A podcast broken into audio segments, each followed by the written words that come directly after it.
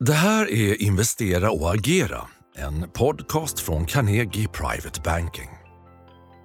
Torsdag 11 januari. Det är mixade makrosignaler och vinsthemtagningar på aktiemarknaden som präglar marknadsläget. Vi ställer frågorna vad har vi lärt oss av starten på investeringsåret och hur förbereder sig privata investerare på fortsättningen? Vi gästas av Niklas Andersson, marknadsekonom på Montrose by Carnegie. Själv heter jag Henrik von Sydow. Välkommen till podcasten Investera och agera. Niklas Andersson, varmt välkommen till studion. Stort tack för det. Jag är lite nervös. Jag har aldrig kört en Espresso-podd, eller Espresso-podd heter det till och med, på 10 minuter. Jag har aldrig kunnat hålla mig så kort. Så att nu min norrländska ja. kanske lyser igenom. Det var ett jättelångt första svar för att hålla sig kort. Du, Carnegie-familjen eh, växer ju med Montrose by Carnegie. Det är Carnegies nya digitala affär. En ny, unik digital investeringsplattform. Berätta, hur går bygget av plattformen och när går vi live? Bygget går väldigt bra ska jag säga. Vi kom in, vi är 20 personer ungefär idag, ska väl vara en 24-25 kanske när det lanseras. Vi kom in 18 september, fick lära organisationen, fått ett varmt mottagande. Sen började vi arbeta med det här slutet september, början av oktober. Och vi onboardade faktiskt första kunden, vilket eh, jag fick äran att bli då i slutet på december och la första orden mot Stockholmsbörsen. Så att vi har byggt mycket av infrastrukturen, E4, Arlanda, Öresundsbron. Vi har en plattform, man kan logga in, man kan se värdepapper, man kan lägga en order.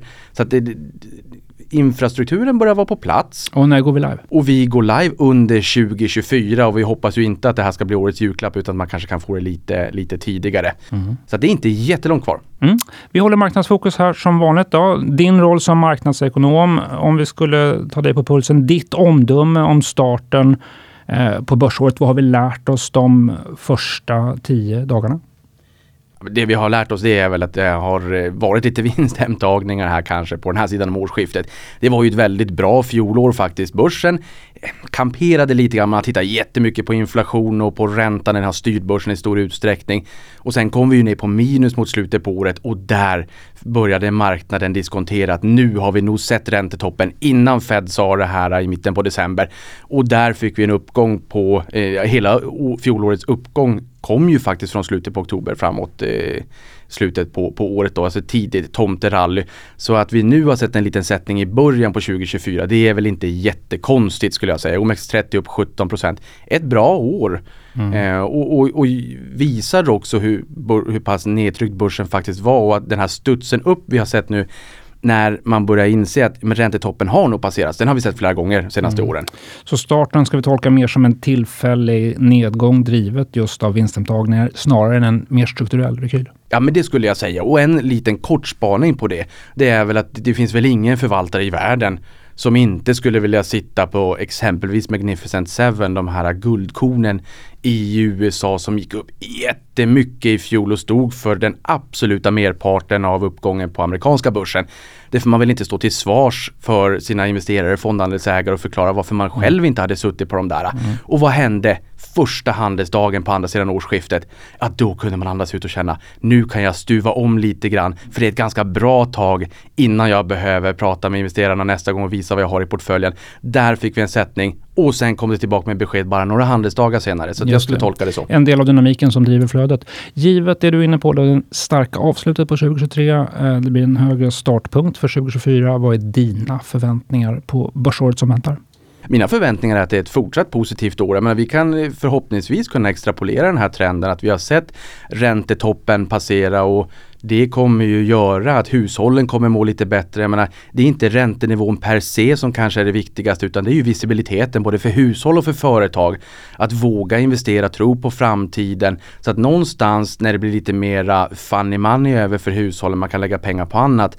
Så kommer vi se kanske att bolag inom sällanköp kanske får lite enklare. Någonstans ska de pengarna leta sig. Fastighetsbolagen har haft det jättetufft småbolag har, ja, det är fortfarande så att man är långt ifrån fornstora dagar. Jag har en, en, liten siffra som jag tog fram i dagen till ära som jag tycker är intressant. Eh, och det är att snittaktien på OMXS30 har gått upp 51 procent mm. från treårslägsta. Men vi är ner 27 procent från treårshögsta. Och tittar vi på breda börsen så har vi stigit 74 procent mm. från tre års lägsta. Nu var det ju slutet september, mitten oktober som börsen bottnade. Mm. Lågpunkten 23 var inte lägre än lågpunkten 22. Men vi är fortfarande ner 45% från toppen senaste mm. tre åren. Vi har haft en krasch på börsen i nutid i paritet med IT-kraschen och vi är långt ifrån fornstora dagar. Så det, det, gäller att ha med sig det här när vi har sett en uppgång, en uppstuds. Tack för perspektiven just på uppgång och uppstuds. Då. Eh, till det som är dig, en unikitet med dig är att du också fungerar som aktieinfluerare, finansinfluerare eller finfluencer som en del kallar det för. Du har mycket följare i digitalkanaler, över, upp mot 100 000 eh, följare i, i vissa digitalkanaler. Hör du, eh, på temat eh, sentimentet, vad, vad, vad, lär du dig av um, dina följare? Vad fångar du upp? Är det frågor du fångar upp eller är det ett stämningsläge som du, som du kan lära dig av de som du följer? Stämningsläget just nu, ja både de jag följer och som följer med, alltså, det, det, det är ju en ganska trevlig community där ute. Stämningsläget är lite mer eh, pressat jämfört med kanske 2021 när det var väldigt, väldigt febrigt. Och det är inte konstigt med tanke på det jag sa här, en, en börskrasch. Jag menar breda börsen, om vi går bort från värdeviktning, bank har vaknat till liv för vi har räntor igen, verkstad har gått bra och till och med gynnats av ytterligare en försvagad krona. Nu har den stärkt sig lite grann den senaste tiden. Det har gått bra, det har hållit tillbaka för bank och verkstad det är över 50% av OMXS30. Det är, som, det är Stockholmsbörsen. Men tittar vi från toppen var snittaktien är 50% och på Nasdaq var det 66%. Det här påverkar ju sentimentet och humöret där ute. Det är tuffare än jag sa det här febriga 21. Så det man pratar om i mångt och mycket nu, ja, men det är väl lite mera utdelning det finns det är alltid ett enormt stort intresse för utdelning. Du kan skriva om vad som helst. Men så fort det handlar om utdelning, då vaknar folk till liv. Och sen är det bolåneräntor och det är ju för att det ligger nära plånboken. Sen är det lite grann händelser som händer här och nu som jag tycker man diskuterar lite mer. Inte minst kanske eh, de här, eh, den problematiken med Houthi-rebellerna och eh, Suezkanalen nu. Och att man ska behöva korsa Afrika, det tar nio dagar längre och kostar mer pengar och vad gör det här med inflationen? Mer sånt här och nu tycker jag man diskuterar. Just det. Och vad tror du samtalet kommer stå om Stockholmsbörsen under året som väntar? Vilka, vilka tema kommer bli dominerade? Jag tror att man kommer bli, vart det lider, mer positiv. Jag tror att nu när vi är inne i 2024, när vi kommer in en bit så kommer man inte bara fokusera på innevarande år, man kommer även fokusera på 2025.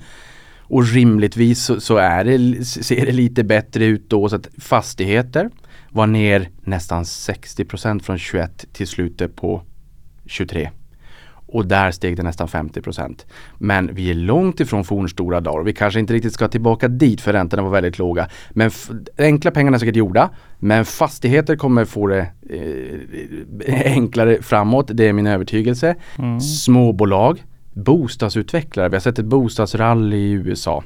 Vi har inte riktigt sett det i Sverige men vi har sett en, en byggstartsindikator som visade att byggstarterna ökade fyra månader i rad Samtidigt som marknadsräntorna sjunker tillbaka, folk blir lite mera positiva. Nu igår mm. såg jag ett bolag sa nu byggstartar vi 48 lägenheter.